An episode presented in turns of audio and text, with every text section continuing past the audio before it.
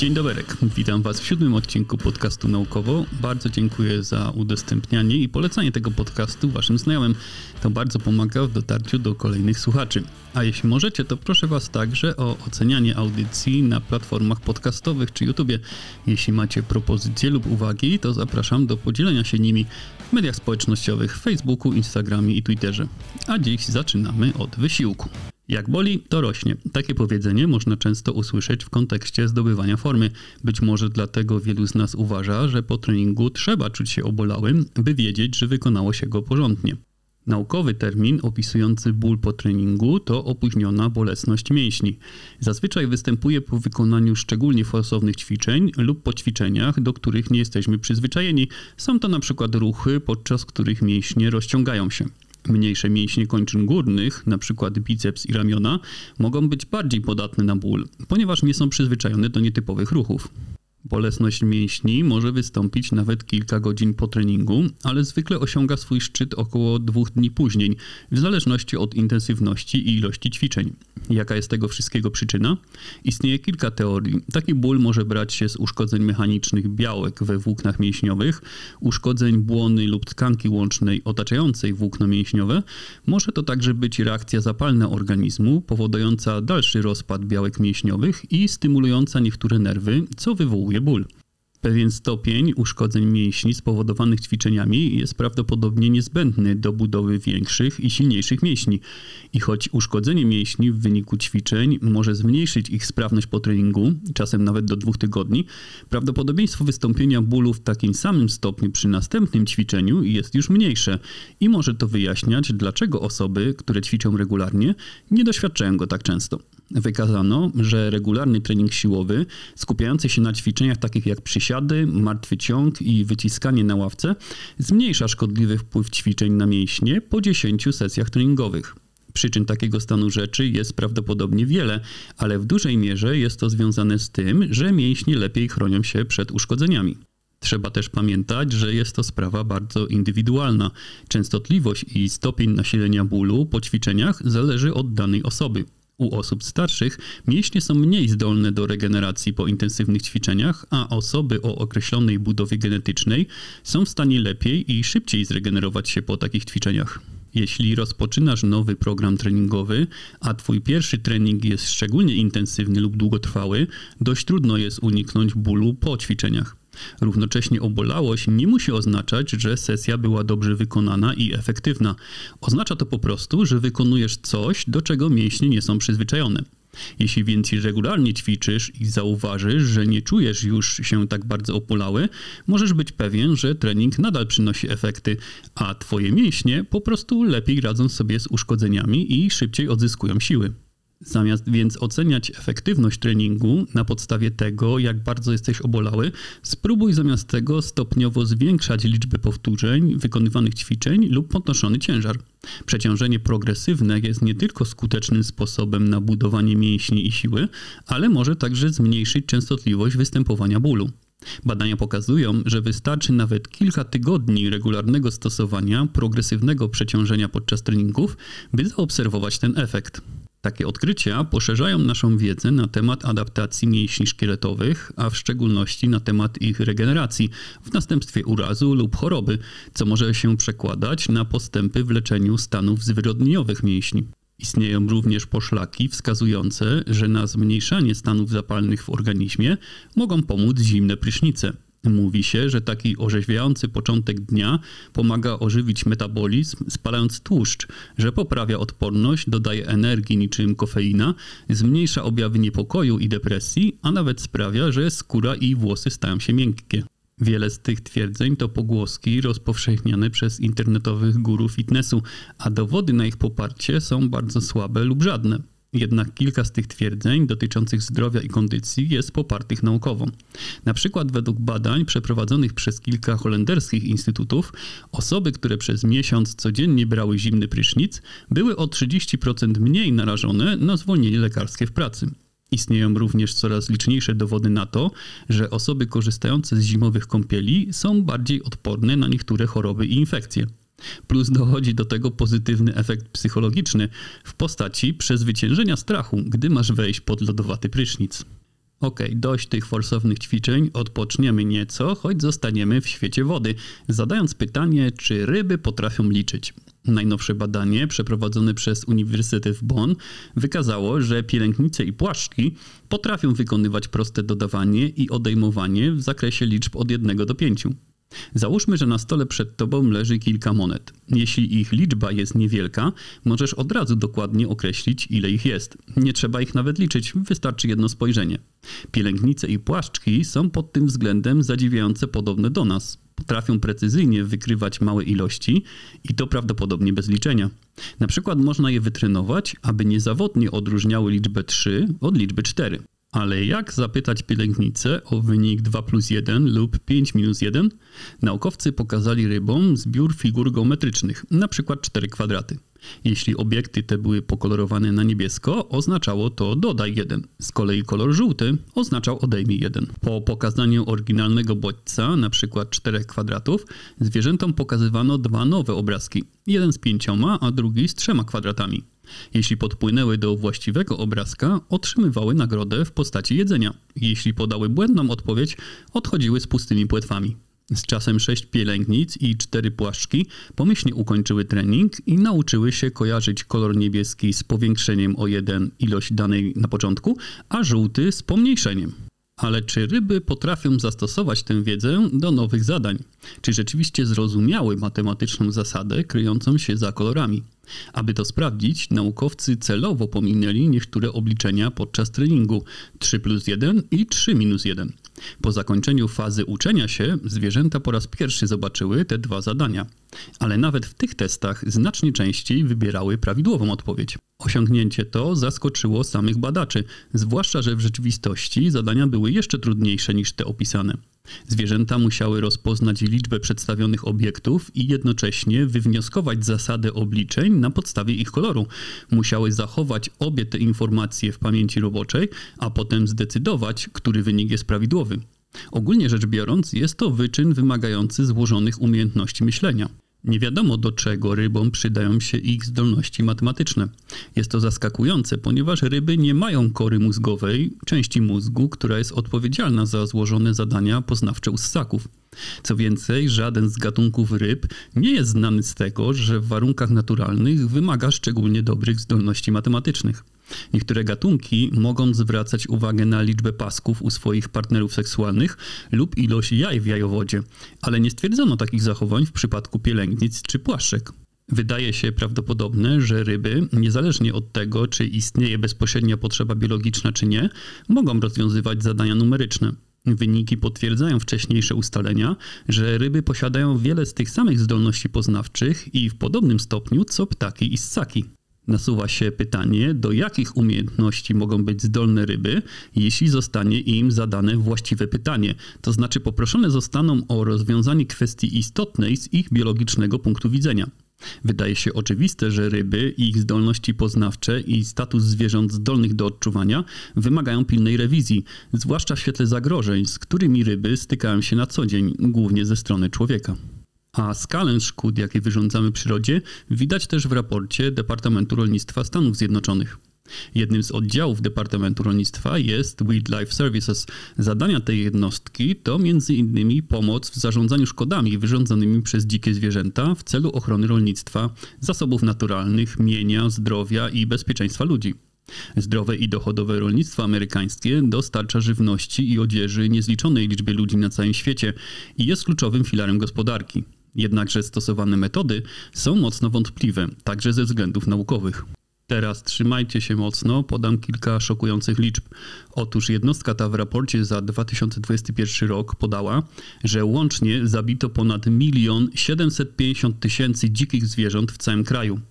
Życie straciło 64 131 kojotów, 433 czarnych niedźwiedzi, 324 wilków szarych, 24 687 bobrów, 3014 lisów, 9583 kormorany, 9000 jeleni, 26 696 gęsi i wiele tysięcy osobników innych gatunków.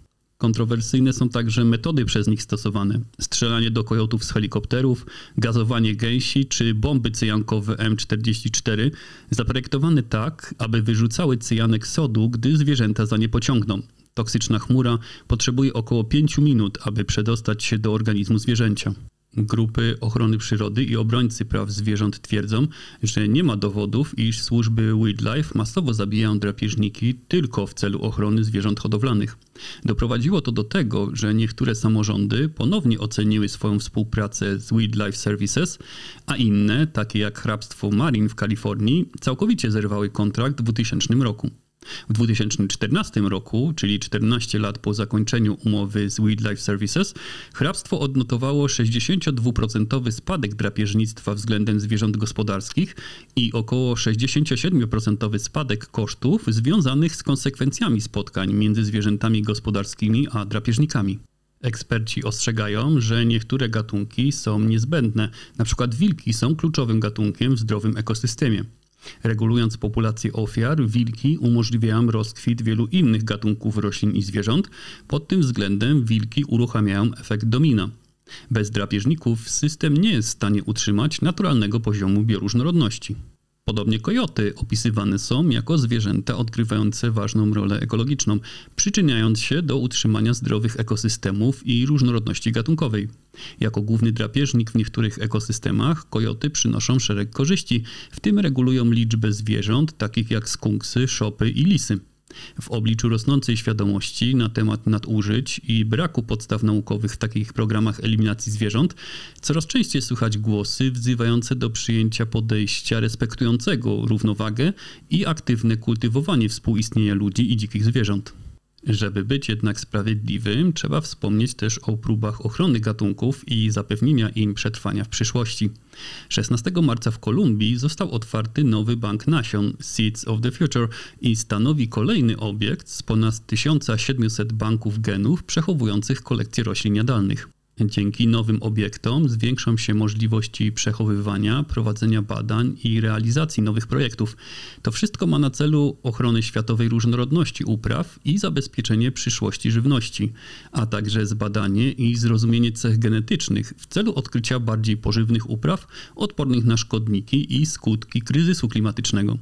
W obliczu skutków tego kryzysu dla rolnictwa, takich jak wyższe temperatury, intensywne susze i rozprzestrzenianie się szkodników, praca banku genów pokazuje znaczenie adaptacji, np. ochrony najlepszych nasion i poszukiwania ulepszonych odmian. Szacuje się, że do końca tego stulecia prawie 1 trzecia światowych pól uprawnych nie będzie nadawać się do produkcji, o ile świat nie ograniczy emisji zanieczyszczeń. Gdy materiał dociera z uniwersytetu, ośrodka naukowego lub grupy hodowców, badacze sprawdzają jego właściwości, aby upewnić się, że spełnia on wymogi jakości i bezpieczeństwa biologicznego. Następnie sprawdzają jego strukturę genetyczną, co jest pierwszym krokiem do wykrycia właściwości, które mogą prowadzić do uzyskania odporności na szkodniki lub susze albo do zwiększenia plonów. Informacje te trafiają do bazy danych centrum oraz do cyfrowego sprzętu. Ostatni etap polega na próżniowym przechowywaniu nasion w małych torebkach w temperaturze minus 18 stopni Celsjusza. Jedno z nasion fasoli uzyskane w Ekwadorze dostarczyło genu, który umożliwił odkrycie, że główne białko nasion, arcelina, zapewnia odporność na wołka zbożowego. Odkrycie to umożliwiło opracowanie odmian tolerancyjnych na tego powszechnego szkodnika, a tym samym pozwoliło uniknąć znacznych strat w uprawach, stanowiących ważne pożywienie dla ludzi w różnych krajach. Obecnie podstawę światowego zaopatrzenia w żywność stanowi 20 gatunków. W przeszłości ludzkość wykorzystywała 5000 gatunków, ale kolejne 369 tysięcy mogłoby służyć jako pożywienie. W ramach strategii łączenia badań naukowych z konsumpcją ośrodek rozwija projekt biofortyfikacji ryżu, fasoli i kukurydzy żelazem i cynkiem.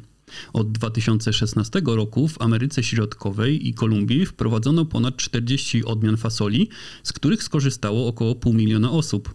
W Kolumbii rozprowadzono dwa nowe rodzaje fasoli, jeden ryżu i jeden kukurydzy. Celem banku jest również udostępnianie nasion, informacji i technologii partnerom i rolnikom z całego świata. Od momentu powstania bank rozdzielił ponad pół miliona próbek ze 141 krajów do ponad 160 krajów. Nasiona są także wysyłane do globalnego skarbca nasion, Arki Noego Żywności, zbudowanej w 2008 roku i znajdującej się na norweskiej wyspie Spitsbergen w odległym arktycznym archipelagu, zarządzanej m.in. przez rząd norweski. Jest to długoterminowy magazyn nasion, zbudowany tak, aby przetrwać próbę czasu oraz wyzwania związane z klęskami żywiołowymi lub katastrofami spowodowanymi przez człowieka. Skarbiec nasion stanowi największą na świecie kolekcję różnorodnych roślin uprawnych, a wieczna zmarzlina i grube skały zapewniają, że próbki nasion pozostają zamrożone nawet bez dostępu prądu. Skarbcu nasion można przechowywać 4,5 miliona odmian roślin uprawnych. Każda odmiana zawiera średnio 500 nasion, więc w skarbcu może być przechowywane maksymalnie 2,5 miliarda nasion. Obecnie znajduje się tam ponad milion próbek pochodzących z niemal wszystkich krajów świata. Począwszy od unikatowych odmian głównych afrykańskich i azjatyckich roślin jadalnych, takich jak kukurydza, ryż, pszenica czy groch, po europejskie i południowoamerykańskie odmiany bakłażana, sałaty, jęczmienia i ziemniaka. Skarbiec zawiera już najbardziej zróżnicowaną kolekcję nasion roślin spożywczych na świecie. Celem skarbca jest zabezpieczenie jak największej ilości unikalnego materiału genetycznego roślin uprawnych na świecie, przy jednoczesnym uniknięciu niepotrzebnego powielania. Zgromadzenie tego zbioru zajmie kilka lat, ponieważ w niektórych bankach genów trzeba najpierw rozmnożyć zapasy nasion, a inne nasiona wymagają regeneracji, zanim będą mogły zostać tam wysłane. Do optymalnego przechowywania nasion wymagana jest temperatura minus 18 stopni Celsjusza. Są one przechowywane i zamykane w specjalnie wykonanych opakowaniach z folii trójwarstwowej. Opakowania są zamykane w skrzyniach i przechowywane na półkach wewnątrz skarbca, a niska temperatura i poziom wilgotności wewnątrz niego zapewniają niską aktywność metaboliczną, dzięki czemu nasiona zachowują żywotność przez długi czas. To nasze ostatnie ubezpieczenie i szansa na żywność w przyszłości. Taką szansę otrzymały lata temu czarno-białe futrzane kulki, które są przesłodkie i które każdy chciałby przytulać, choć są szalenie niebezpieczne. Pandy, bo o nich będzie mowa, zobaczyć można w ogrodach zoologicznych na całym świecie, ale jeszcze pół wieku temu prawie żadne z nich nie żyło poza granicami Chin. Kiedy w lutym 1972 roku prezydent Stanów Zjednoczonych Richard Nixon i jego żona Pat składali oficjalną wizytę w Chinach, pierwsza dama usiadła podczas uroczystej kolacji obok chińskiego premiera. Wspomniała, że uwielbia pandy. Premier, który chciał poprawić stosunki Chin ze Stanami Zjednoczonymi, odpowiedział: Dam ci kilka. I już dwa miesiące później spełni swoją obietnicę. Para młodych pand, samica o imieniu Ling Ling i samiec Xing Xing, przybyła do Narodowego Zoo w Waszyngtonie. Spędziły one w zoo wiele lat, umierając tam ze starości w 92 i 99 roku. Kolejne pandy Tien oraz Meishong przybyły do zoo w grudniu 2000 roku i doczekały się czterech potomków, z których trójka wróciła do Chin. Wspominam o tym dlatego, że już niedługo, bo na 16 i 17 kwietnia Narodowe Zoo zaplanowało pandzie święto, aby uczcić 50 lat pand olbrzymich w Waszyngtonie a osoby zainteresowane spotkaniem z pandami powinny odwiedzić tę stolicę przed grudniem 2023 roku. Chiny zdecydowały, że wszystkie trzy pandy, które tam przebywają, opuszczą Waszyngton i nie ma planów wysłania kolejnych. Historia pand wielkich jest dowodem, że działania człowieka mogą odnieść pozytywne skutki w zakresie ochrony i przywracania liczebności całych gatunków. W latach 40. XX wieku rząd chiński rozpoczął pierwsze działania mające na celu ochronę pand olbrzymich. Pomysł polegał na wydzieleniu bezpiecznych obszarów, gdzie zwierzęta byłyby chronione w swoim naturalnym środowisku. Na początku lat 60. XX wieku Rada Państwowa Chin wezwała prowincje do wydzielenia terenów w celu ochrony dzikiej przyrody w Chinach. Prowincja Sichuan szybko zareagowała, opracowując plan utworzenia rezerwatów w celu ochrony pand olbrzymich i innych zwierząt zamieszkujących ten obszar. Obecnie na terenie południowo-zachodnich Chin znajduje się około 40 rezerwatów pandy. Niektóre z nich chronią dzikie pandy olbrzymie, a jednocześnie posiadają ośrodki naukowe badające ich zachowanie oraz ośrodki hodowli pand w niewoli. Chińczycy utworzyli zespół, który rozpoczął badania nad pandami w zakresie ekologii, zachowania, potrzeb weterynaryjnych, zarządzania żywieniem oraz zbadał możliwości przystosowania się osobników w niewoli do życia na wolności. Wiele zagrożeń czyha na pandy. Kłusownictwo i nielegalny wyrąb lasów nadal stanowią problem na niektórych obszarach. Chociaż kiedyś polowano na pandy olbrzymie dla ich skór, większość pand, które dziś są ranne lub zabite przez kusowników, to ofiary nieumyślne, kiedy łapią się w pułapki przeznaczone na jelenie, takiny i inne zwierzęta. Kolejnym zagrożeniem jest wycinka środowiska życia pand i niszczenie ich pożywienia. Bambus, główny pokarm pandy olbrzymiej, kwitnie raz na 10 do 100 lat w zależności od gatunku, a następnie obumiera. Dawniej, gdy bambus na jednym obszarze obumierał, pandy olbrzymie przenosiły się na nowy obszar. Rozwój populacji ludzkiej, w wyniku którego powstały drogi, miasta, linie energetyczne i wyrąb lasów, zarówno na opał, jak i dla rolnictwa, utrudnił pandom olbrzymim migrację. Wycinka drzew spowodowała także zmniejszenie liczby dużych, starych drzew, które są ulubionym miejscem na legowisko lub gniazdo po urodzeniu dziecka. Naukowcy eksperymentują z budową sztucznych legowisk, które przypominają stare drzewa. W 2016 roku ogłoszono, że pandy olbrzymie zostały usunięte z listy zwierząt zagrożonych wyginięciem. Teraz ich nowe oznaczenie to narażone na wyginięcie. Opublikowane niedawno dziesięcioletnie badania szacują liczbę dzikich pand na 1864 osobniki. W niewoli przebywa jeszcze około 600 pand, a więc na świecie jest ich mniej niż 2,5 tysiąca. Ich przetrwanie jest więc wciąż bardzo zagrożone. I to już wszystko w dzisiejszym odcinku. Dziękując za Waszą uwagę, polecam mój profil w serwisie Patronite www.patronite.pl ukośnik naukowo, gdzie możecie wspierać ten podcast także finansowo, za co bardzo serdecznie dziękuję. Do usłyszenia w sobotę. Wszystkiego dobrego.